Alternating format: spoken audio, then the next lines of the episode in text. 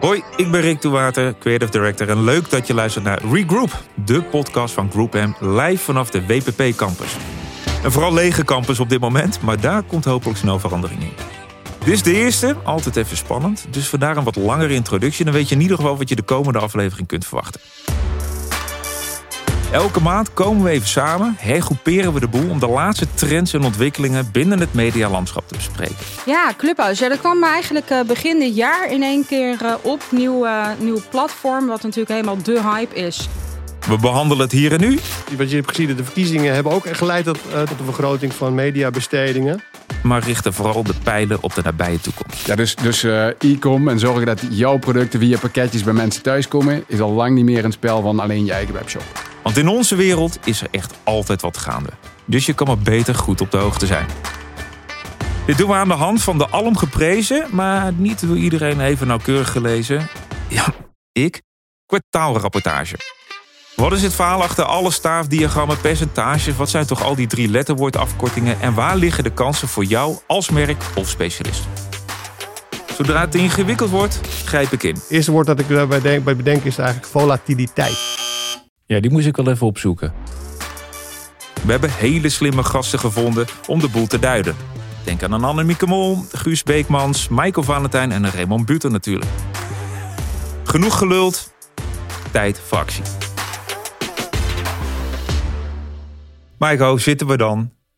Onze allereerste podcast. Goed je weer eens even te zien in levende lijven in plaats van vanaf een, eh, een 13-inch schermpje. Hoe gaat het met je? Ja, ik ken jou eh, het laatste jaar alleen maar als postzegel. Nee, ik vind het heel fijn om, eh, om je weer te zien op eh, kantoor. En eh, Ja, toch. Dus zo, zoveel beter dit. Eindelijk gewoon eens iemand gewoon recht in de ogen aankijken... in plaats van een soort van wachtende wifi-signalen en, en glitches... zoals mijn zoon dat altijd zegt. Alles Ja. glitch hier in huis. ja, Maiko, voordat ik naar jouw CEO-benoeming ga... weet je nog dat we twee jaar geleden aan de bar zaten... na afloop Ja. van Year Next Year? is mooi hè? En wat, wat zeiden we ook alweer tegen elkaar? Nou, volgens mij hebben wij ooit eh, de ambitie uitgesproken om eh, radio te gaan maken samen. Dat bedachten wij. Er zat een glas wijn in, moet ik Ja. zeggen. Of twee? Dat- ja, of drie. Maar het, het Fles, denk ik. Ja, Fles. per persoon. Ja, ja. Eh, die, die zaten erin. En we gingen met de taxi overigens naar huis. Ja, we gingen met de taxi, naar eigen huizen. Ja. Voor de record. Nee, ik ging niet naar jouw huis. Niet, nee. niet, nee, zeker niet. we gingen ook niet naar Zeker niet. elkaars huis. Nee, da- daar zat nog niet genoeg wijn voor in.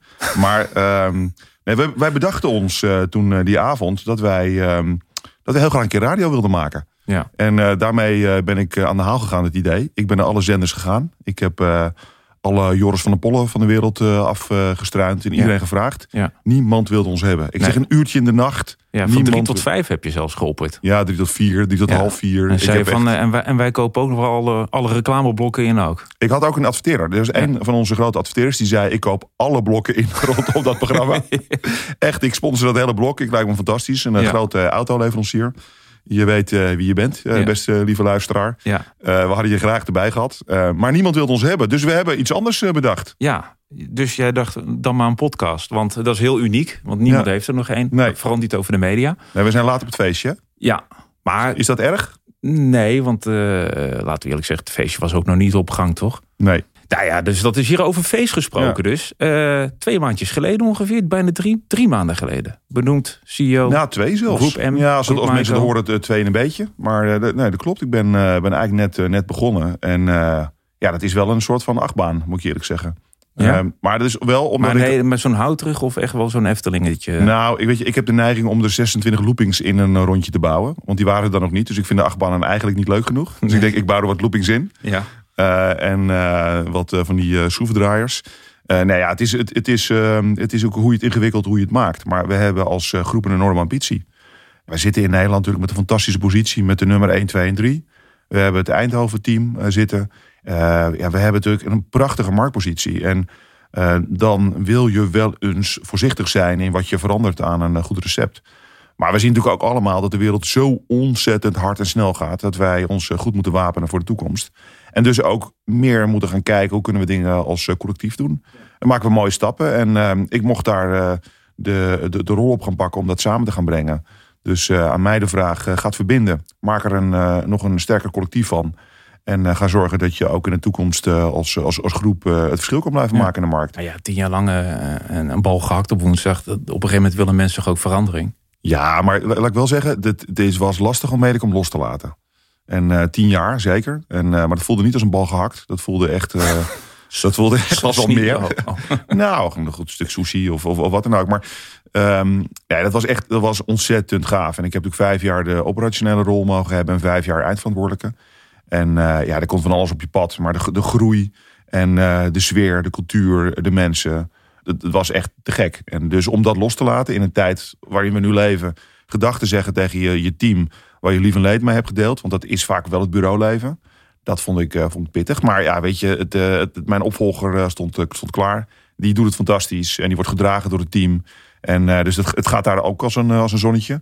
Maar deze rol is nu waar ik mij, Ja. mijn tanden in mag zitten. En met veel plezier. Ja, wel grappig. Ik kwam een tijdje geleden, toen ik ook wel weer eens een keer op kantoor was. Helaas nogmaals niet gevuld. En ik zei, weet je eigenlijk waar de MVO groep M voor staat? En die zei, ja, dat is toch media? Ik zei, nou, het is begonnen als de M van Mindshare, Mediacom en, eh, en Mac. Ehm, maar dat is het eigenlijk al lang niet meer. Hè? Mac is Wavemaker geworden. We hebben Greenhouse erbij gekregen. En nog een tal van andere bedrijven. Ja. Hoe, wat is die M nu eigenlijk dan voor jou? Nou ja, die M is een soort eh, symbolisch voor eh, inderdaad vroeger de groep M-bureaus. En ja, wat je terecht zegt, dat is al een klein beetje veranderd. Maakt ook niet zoveel uit. Ik denk dat het, het DNA veel meer gaat over de ambitie. Die, ik, ik denk, en het, het wordt ehm, bijna een soort verplichting. Die je als, eh, als marktleider hebt om. ehm, responsible is wat er vaak in het netwerk wordt gezegd. Dus als marktleider moet je zorgen dat het vak ook in beweging blijft gaan. En het tempo ligt niet altijd heel hoog, vind ik, in, eh, in de buitenwereld. Sommige gebieden wel, en sommige gebieden ligt het echt langzaam. En als je marktleider bent, heb je wel een soort van de verantwoordelijkheid om, eh, om meters te maken en, en te praten over het vak van morgen. En ik denk dat daar een enorme kracht eh, in zit. Maar wat ik zeg, wij moeten daarin eh, de, de, de, de toekomst en het ritme kunnen blijven bepalen. En, en dan moet je zorgen dat je eigenlijk eh, de weg profijt voor de bureaus. Dus vanuit het grotere geheel proberen wij te zorgen dat alle initiatieven die wij doen, uiteindelijk voor onze adverteerders zorgen voor meer effect. Voor in wat ze, dus wij noemen dat eigenlijk making advertising work better for people. En ehm, dat is wat we als, als groep doen. Ja. Maar volgens mij moeten we, moeten we het ook gaan hebben over vandaag. Ja. Ja, ik ben blij dat jij het bruggetje maakt. Want eh, ik dacht, eh, je had ook gewoon meteen kunnen zeggen... we make advertising work better for people. Maar dat, eh, dat maakt niet uit. Dat Ja, wat ja vind ik flauw dit. Vind ik, flauw, vind ik jammer, Rick. Maar het is, dat is, dan misschien moeten we ook nog een klein beetje op elkaar ingespeeld is eh, raken. Ja, het is allemaal nog een beetje ruw. En dat moet allemaal nog geschuurd en gepolijst worden. Ik vind dat je het goed doet. Al. Oh, nou, Nu al. dankjewel. Ja, nou, heel natuurlijk. Zijn er in ieder geval twee die dat maar vinden? dat is misschien even voor de. Voor, er is ook wel een reden dat jij dit doet, toch? Nou, dat vroeg ik me even af. Waarom heb je mij eigenlijk hiervoor gevraagd? En geen doorgewinterde mediaspecialist. eh, Zo'n jongen die, eh, die jarenlang in de boek heeft gezeten hiervoor. Ik ben creatief. En eh, eh, in deze wereld gerold. En waarom geef je mij deze eh, taak, of zeg eerbare taak mee, om de kwartaalrapportage te gaan ontleden? Nou, die is heel simpel. Dat is een ode aan jou als best kept secret of Group M. en dat jij natuurlijk een soort van verstopte achter. eh, Val ik nu straks van mijn. Nee, nee, nee, ga verder. Nee, nee, dat, ja, joh, ik snap dat je daar. Dat is ook dat siertje, dat je helemaal niet met complimenten om kan gaan.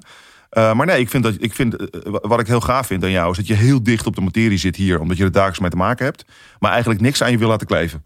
Eigenlijk continu ja, maar dat is media, dat is, ik ben creatief en je, je, je laveert daar doorheen. Ja. Maar wat, wat helpt daarin is dat jij. Ja, dat gaat nu niet meer lukken, helaas, denk ik, naar dit. Nee, maar het, het kleeft niet aan je. En ik denk dat ik, wat ik heel gaaf vind, is dat jij continu ehm, kan uitzoomen naar wat, maar wat betekent dit nou precies?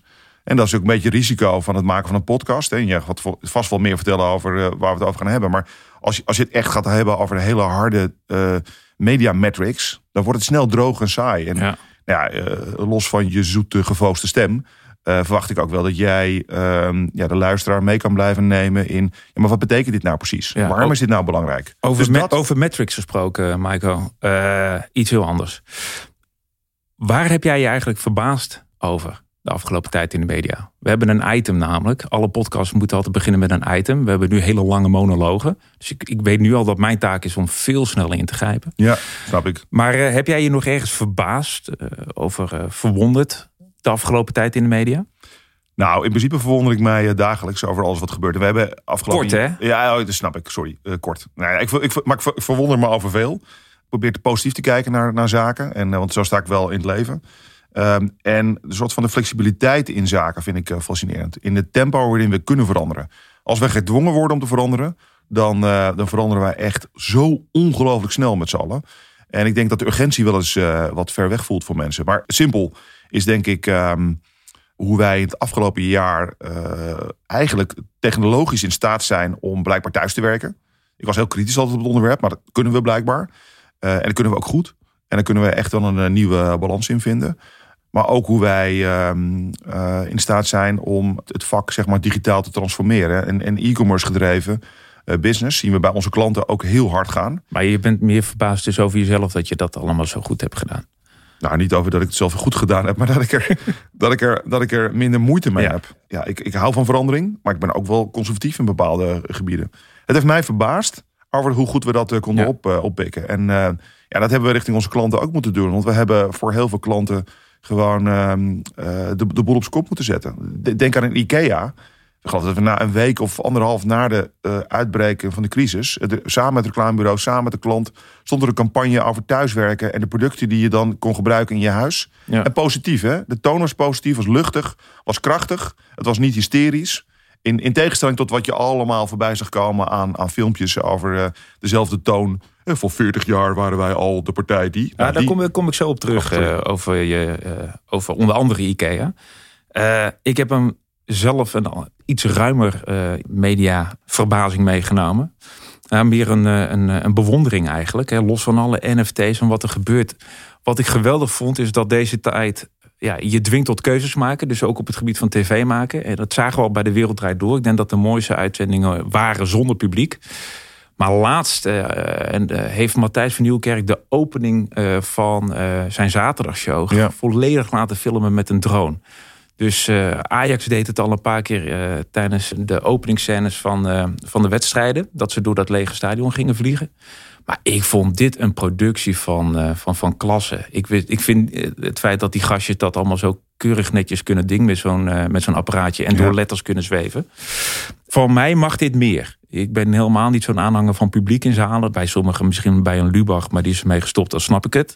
Als je de lach nodig hebt. Maar dit was gewoon weergeloos. Wou ik nog even gezegd hebben. Ja, dat is ook heel gaaf. Die, ehm, eh, de, de mate waarin eh, innovatie dan een plek krijgt op heel veel gebieden. Ja, ik vind dat heel vet om te zien. Ja. En ehm, ik, ik spits hem nu de, terug, misschien een beetje smaller. Maar ik weet wie je uitgenodigd hebt vandaag. Hè, dus misschien maak ik het, eh, het leven ook met je makkelijker.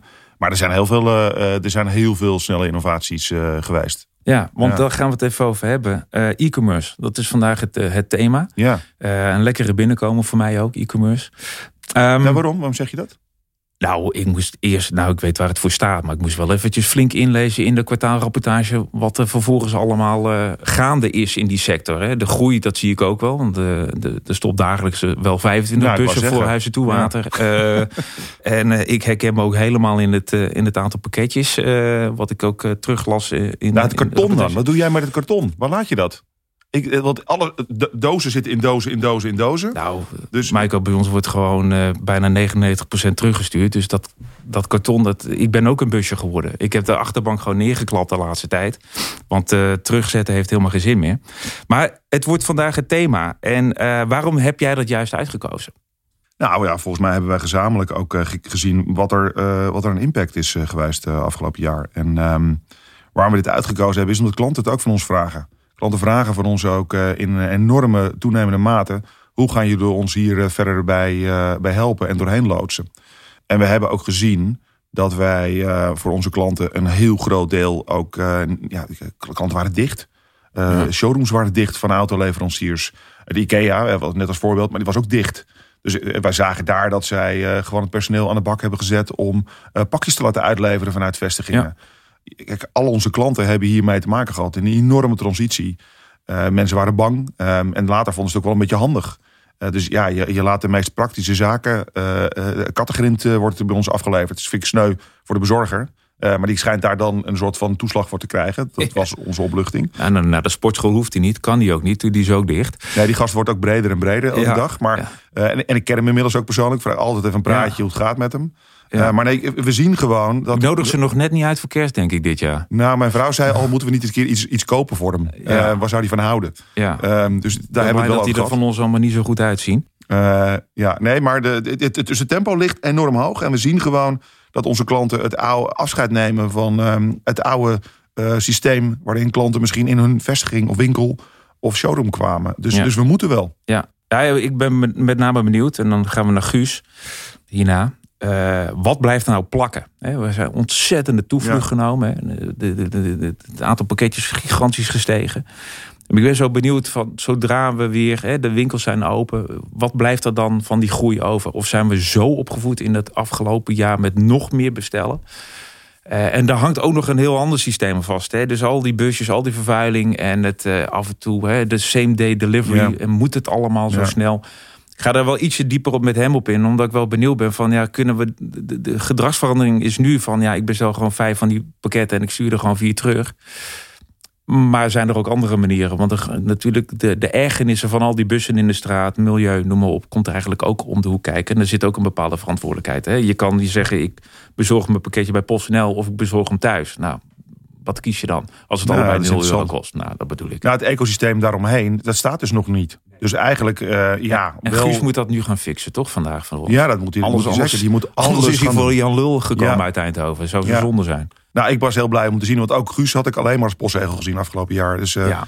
hij was wat eh, minder groot dan ik eh, had herinnerd. Ja, Dat viel mij, ja hij leek op. ook echt op een postzegel. Eh, nou ja, betreft, ja, je moet hem nog uitnodigen hier. Hij staat Oh ja, hier achter de deur. Ja, ja, dat is waar. hey, Michael, dankjewel. Eh ik spreek je later weer. Ja, ik zou zeggen, heel veel vandaag, Rick. Ja, en neem even een slok water. Ja, doe ik. Oké. Oké, hey, aan tafel geschoven. eh, Guus Beekmans en Raymond Buter. Raymond, Guus, alles goed? Zeker. Ja, leuk jullie weer eens even te zien. Ik zei het net tegen Michael. Eindelijk weer eens eh, mensen in levende lijven. Eh Raymond, kom zo bij jou. Guus, eh, kan je heel even vertellen, jouw titel, Director Mediacraft. Wat houdt dat nou precies in? Eh, ja, ehm, wat houdt het nou precies in? Eigenlijk is het heel simpel. Ik eh, leid alle digitale specialistenteams binnen Greenhouse. Dus alle specialisten die eh, dagelijks eh, eh, digitale campagnes eh, managen en optimaliseren van eh, search tot en met branded content en alles ertussenin. Oké. Komen we zo op terug, Guus. Eh, Want eh, los van de digitale wereld eh, zijn er ook maatschappelijk natuurlijk heel veel dingen die eraan samen hangen. En daar wil ik het je graag nog even met je over hebben zo. Aan de hand van natuurlijk de kwartaalrapportage. Maar ja, en als je het over de kwartaalrapportage hebt, dan heb je het ook over Raymond Buter natuurlijk. De Nostradamus van de media, zoals ik hem vaak noem. De voorspellingen, elk jaar bij Disney Next kijkt men ernaar uit. Raymond, een jaar van extreme, zo heb je het genoemd. Leuk om hier te zijn overigens. Oh ja. Leuk om dit te doen. Ja. Ehm, ja, this year, next year. We hebben natuurlijk vorig jaar eh, hebben we het op een andere manier gedaan. Logisch. We hebben daar eh, voorspellingen gedaan. En ik had het net ook met Guus over.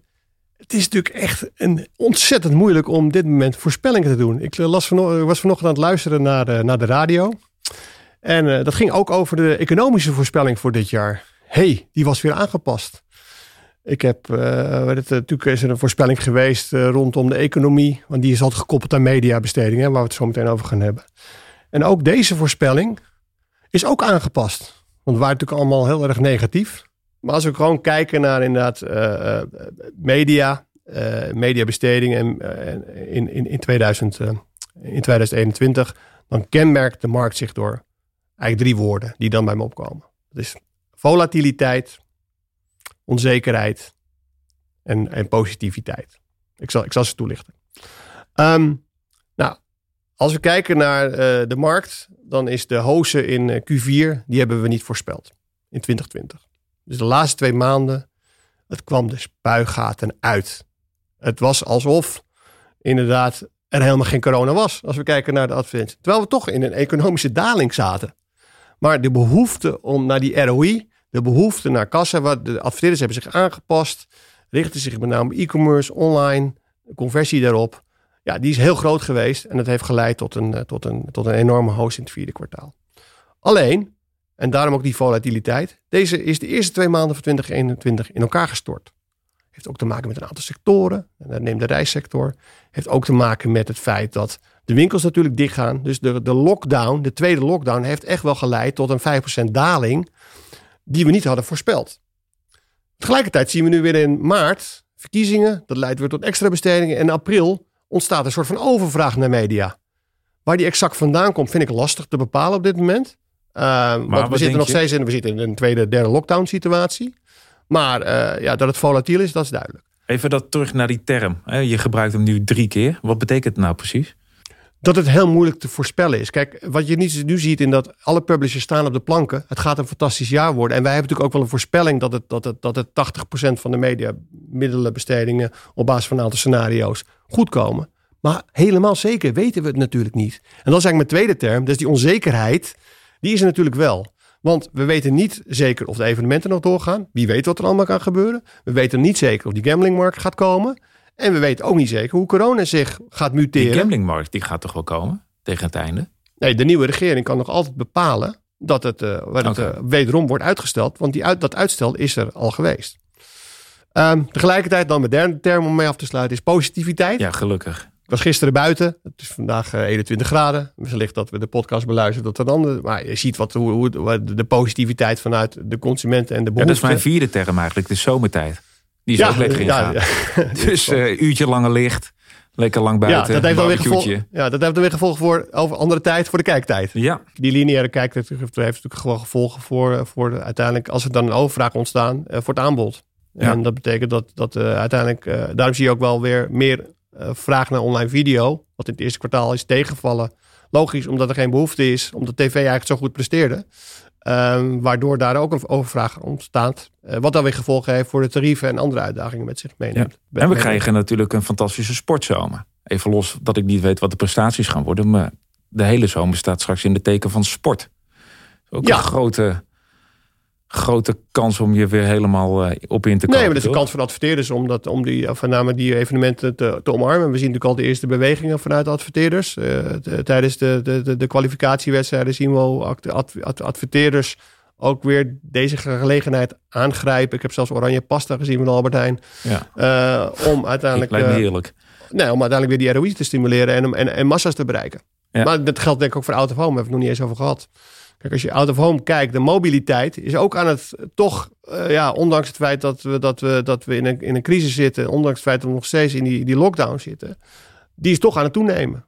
Een luistergedrag ook. hè. Eh, wat jullie ook beschreven in de rapportage. Eh, voorheen was natuurlijk de ochtendspits en de avondspits waren prachtige plekken voor radiostations. Dat is natuurlijk ook helemaal eh, voorlopig in ieder geval aangepast. Dat gaat waarschijnlijk wel weer terug naar het oude niveau. Maar ook eh, Nou ja. de, de, de opkomst van Clubhouse, podcast. eh, het is niet normaal. We zijn meer gaan luisteren dan ooit, heb ik het idee. Nou, audio is hot. Podcast is het snelst groeiende mediumtype in Nederland. Eh, we hebben de, zien de opkomst inderdaad, wat je net aangeeft van Clubhouse. Maar als we kijken naar de lineaire audiobestedingen, dan vallen die tegen. Eh, de spotbestedingen, we hebben zelfs onze forecast aangepast voor het hele jaar. En je ziet toch dat het voor een middel als, maar, radio spot advertising lastig is wat een functie is. Althans, het komt niet waarschijnlijk niet helemaal goed over bij, bij ook adverteerders, ook de perceptie daarnaar. Wat het bijdraagt aan conversie, wat het bijdraagt aan performance. Het is natuurlijk een indirecte link. Hè? Je, je, je, je verwijst naar .nl en Ja. dan ga je... eh, maar je ziet dus dat... Dan haakt toch iedereen af? Denk je dat je nou ja, dat snel- is wat we aan het onderzoeken zijn. Of dat of daadwerkelijk dat zo is. Eh, maar we weten wel dat e-commerce natuurlijk eh, hot is. Ja, e-commerce. Je hebt er een apart eh, hoofdstuk aan gewijd in de rapportage. Hoezo dat dan? Los Ja. van dat het natuurlijk ontzettend is toegenomen. Dat, dat begrijp ik. Nou ja, alles is gericht op, op online conversie. Op dit moment. Natuurlijk, branding blijft belang, belangrijk. Maar ja, alles is gericht op online conversie. En we zien dus dat, dat e-commerce daar gewoon belangrijk is. En daar hebben we iets over geschreven. Je ziet ook dat retailpartijen in opkomst zijn. Dus die rondom een, een, een aanbod ook media verkopen. Neem Ahold Media, neem een Summit met Deen en Jumbo. We hebben Amazon natuurlijk die daarbij gekomen is. Eh Coolblue Mediamarkt. Eh, kortom, eh retail media is een vak op zich. Want je, je, je, je verkoopt je spullen. Maar je kan het natuurlijk ook rondom adviseren. Je kan je products in, in, in, in plaatsen. Ehm, ja, daar is expertise voor nodig. Maar daar hebben we een expert voor aan tafel. Dat, dat, ja, helemaal. Die zit tegenover me te popelen nog steeds. Hallo. Ja. Hey. Hé, het werd tijd. Guus, hoe zorg je ervoor dat zo'n webshop een beetje lekker draait? Vooral ook met het aankomende cookieless tijdperk. Eh, ik zei het laatst al tegen een collega. Ik ben helemaal digitaal dichtgeslipt met het accepteren van al die cookies. Dat gaat straks allemaal aangepast worden. Ja, hoe gaan we dat doen dan? Ja, ja dat zo'n eh, webshop lekker draait. Ehm eh, Raymond gaf het net eigenlijk al wel een beetje aan. hè. Eh, het e-commerce landschap is inmiddels al lang niet meer een webshop. Een webshop is slechts een van de winkels waar je je producten kunt aanbieden. je hebt natuurlijk je eigen kanalen zoals je webshop. Maar misschien tegenwoordig minimaal net zo belangrijk is een goede app daarnaast. Want we weten ook dat mensen die bestellen in je app in de plaats van in je webshop... zijn gemiddeld veel loyalere, trouwere bestellers. Die bestellen vaker, hogere orderwaarden. Um, Hoe is dat dan? Is dat zo? Ja, ja.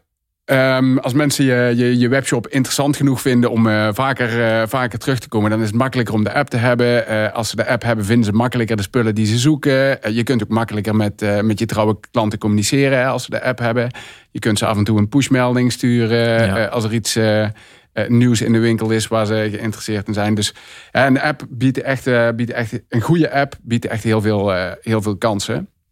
Maar buiten dat, buiten je eigen, buiten je eigen kanalen, is het retail landschap of het, het e-tail landschap zeg maar, heel erg uh, ontwikkeld. We hebben natuurlijk uh, de marketplaces heel erg zien opkomen, zoals de Bols. maar sinds dit jaar ook echt actief in Nederland. Amazon. Nederlanders bestelden natuurlijk al jaren bij Amazon in Duitsland, of waar dan ook ter wereld. Maar nu groeit, groeien de bestedingen op Amazon nog veel harder door. Um, en naast die marketplaces heb je ook nog de, laten we zeggen, de traditionele retailers die ook een e-tail formule aanbieden, waar je ook mee kunt samenwerken als, uh, als merk. Uh, denk aan Raymond zei het al, de, de, de Albert Heijns of de Jumbo's, uh, waar je als FMCG-merk mee, mee, kunt samenwerken. Maar ook de blokkers, de Cool Blues, al die, die e-tail formules. Ja, daar kun jij als merk voor zorgen dat consumenten daar jouw product bestellen. In de plaats van het product van een ander. Ja, dus, dus uh, e-com en zorgen dat jouw producten via pakketjes bij mensen thuiskomen, is al lang niet meer een spel van alleen je eigen webshop. Nee, maar hoe blijf jij dan, uh, Guus, met je team de competitie altijd één stap voor? Hoe, wat, wat doen jullie dan precies? Ja, wat doen we dan precies? Uh, eigenlijk... Niet te veel verklappen, want daar luisteren nee, we natuurlijk ook. Ja, ja, precies. Nee, eigenlijk is het uh, de orchestratie over al die, uh, over al die outlets heen. Hè. Het is heel belangrijk dat je goed nadenkt over in welke outlets wil ik uh, aanwezig zijn met mijn merk en, en met mijn producten. Met welke producten wil ik in welke outlet aanwezig zijn. En dus bepaalde productcategorieën wil ik misschien wel echt alleen maar via mijn eigen kanalen aanbieden. Andere producten doe ik weer via marketplaces, uh, andere via bepaalde retailers. Daar kun je echt een uh, strategie op gaan voeren. Het is heel belangrijk dat je nadenkt ook over je, over je pricing. Dat, uh, dat je nou, het, het, ene product in de ene formule tegen een andere prijs wegzet dan het andere product in de andere formule. Denk aan white label producten die je misschien wel via marketplaces wil wegzetten. Maar op je eigen website pak je alleen je A-brand. Denk aan hoe je omgaat met eh, promoties bij de verschillende uh, retailers waar je mee samenwerkt. Het heeft weinig zin om een promotie tegelijkertijd uh, bij Albert Heijn en Jumbo te hebben. Daar moet je, moet je echt orchestratie op voeren en zorgen dat het op elkaar is afgestemd. Um, dus jullie zijn een beetje de dirigent. Ja, zo zie ik het wel. Ja, ja, we zijn een beetje de dirigent. En je moet zorgen dat je, dat je de juiste plek op de, op de digitale shelf hebt, zeg maar. Hè. En zorgen dat mensen je ook, ook vinden op die digitale shelf. Ja. Hey, en Guus, uh, het zei, de bestedingen zijn gestegen met 7%. Wat ik al zei, net uh, met uh, Raymond en onze tijden, zomertijd, straks is die lockdown weg, de winkels gaan open. Wat, wat denk je wat er blijft kleven? Gaat dat alleen maar toenemen? Denk je dat, eh, dat die 7% nog maar het topje van? Of gaan we toch weer eh, zo de, ik, winkel zien? Wat denk je? Ik ben ervan overtuigd dat uh, de manier waarop uh, mensen winkelen... is veranderd voor altijd. Uh, tuurlijk gaat dadelijk die lockdown... die is hopelijk toch echt weer een keer afgelopen... en wordt het weer makkelijker om, om de binnenstad in te gaan. maar het online bestellen... Ja, mensen zijn nu gewend aan het gemak. zelfs laten we zeggen, mijn ouders, mijn opa en oma, die hebben geleerd hoe het moet. Eén uh, keer bestellen is een toevalstreffer. Uh, twee keer, dan begint het al een klein beetje op gedrag uh, te lijken. En als je drie keer bij zo'n webshop hebt besteld, dan weet je hoe het moet. En dan wordt het gewoon ja, gedrag wat je blijft herhalen.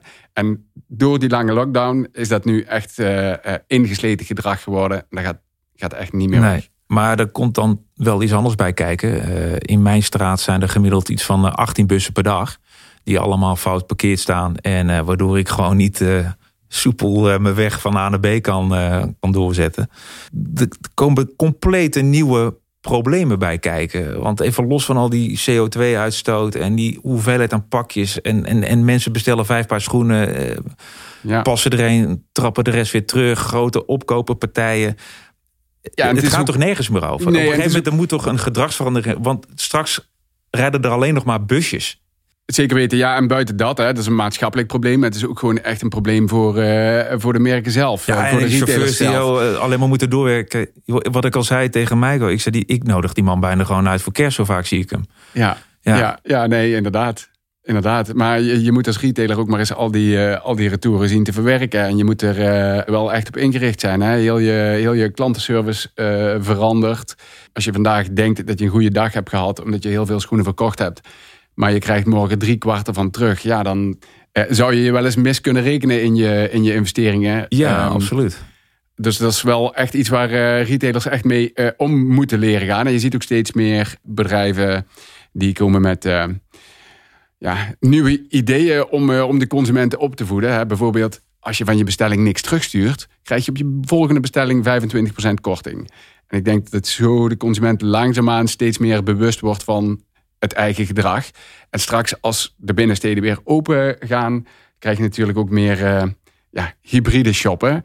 Eh, je kunt het. eh, Ja, die passen in de winkel en die bestellen het lekker voor eh, 5% korting online. ja, maar je kunt het ook heel makkelijk weer in de winkel Die terugbrengen. In plaats van dat je het terug moet sturen. Je bent minder afhankelijk van die pakketbezorger. Je kunt er meer je eigen weg in Ja. vinden. Heb je nog een tip eigenlijk voor mensen die luisteren van... mocht je nog twijfelen over... Ja, ik denk dat de belangrijkste tip die ik heb is eh, overweeg goed met, eh, eh, met welke partners je wil werken en op welke manier je met die partners samen wil werken. Denk, denk wederom aan ehm, de marketplaces zoals bol.com en Amazon. Er zijn verschillende manieren waarmee je met zo'n partij kunt samenwerken. Je kunt, ze noemen het dan seller of vendor zijn.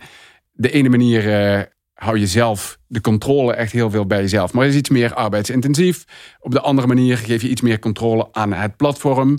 Ehm, maar word je wel ontzorgd. Nou, per merk of misschien wel per productlijn moet je goed over nadenken over eh, op welke manier je met die partijen wil samenwerken.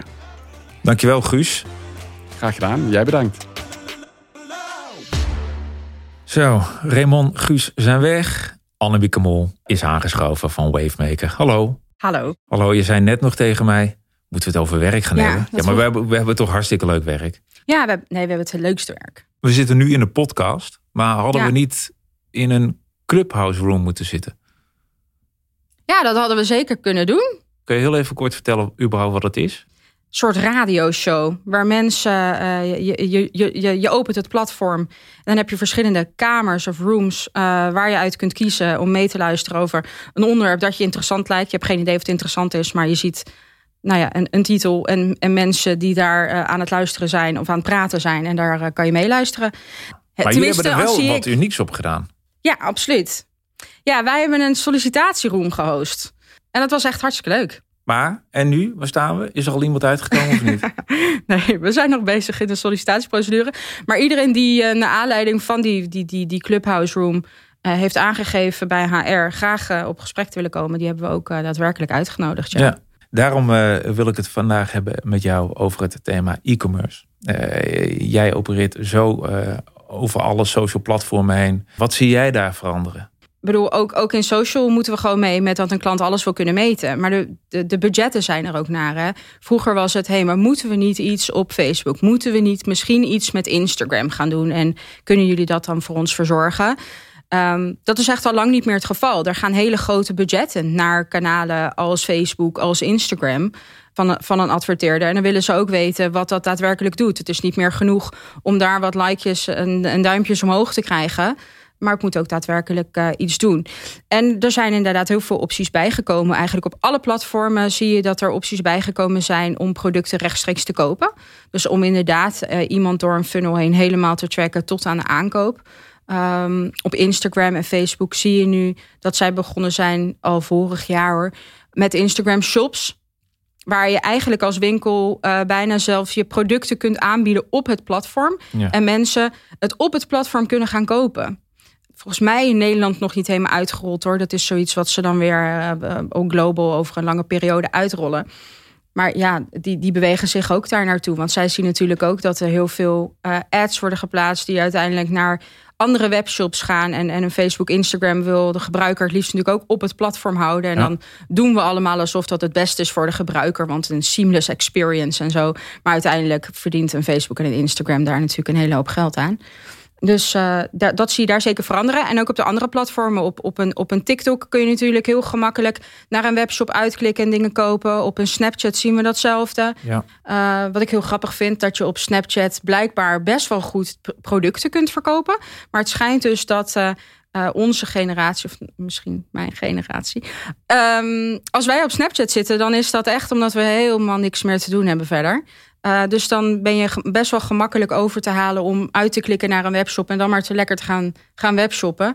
In plaats van uh, Snapchats bekijken. En we zulke uh, makke schapen geworden. Ja, dat zijn wij. Hey, en ja. hoe zat het met een tool? We hadden het een tijdje geleden ook eens een keer met elkaar over gehad. Over al die influencers en ook ja. de micro-influencers. Het is ook al steeds meer dan alleen maar het aanprijzen van het product. Want mensen willen gewoon weten wat doet het.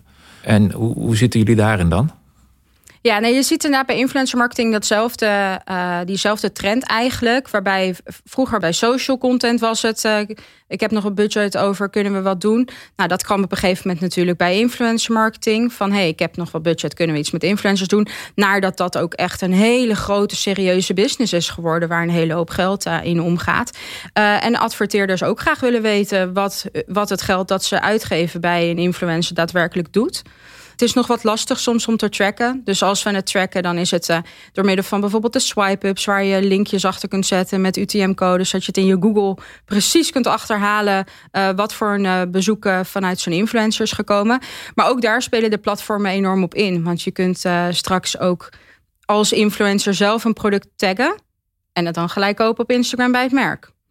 Dus dat maakt de experience nog meer seamless. Oké, okay. oh, dat laatste klinkt overigens wel interessant.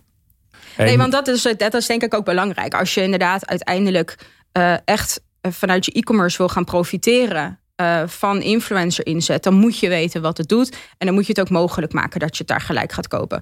We zien, wij zien dat influencer campagnes het ontzettend goed doen. Dat vaak in, in campagnes uh, de hoogste piekjes in website visits komen vanuit de influencer inzet. Dus we kunnen dat zien. Uh, nou, dan moet zo'n sales ook een hele hoop doen daar. Ja. Ja, dit, dit schreeuwt om een onderwerp aan zich. Dus uh, ja, we moeten afronden. Uh, maar we, ja, je bent niet van ons af nog. We moeten het hier gewoon verder over hebben. Uh, swipe op voor, voor likes en, en swipe op voor duimpjes omhoog. En, en follow en subscribe. Mieke, ontzettend bedankt voor het aanschuiven. ja, Graag gedaan. eenmaal in dit onderwerp, dan weer er heel veel over praten. maar dat doen we straks hier naar buiten de campus. En hopelijk uh, snel uh, in de volgende edities. Thanks.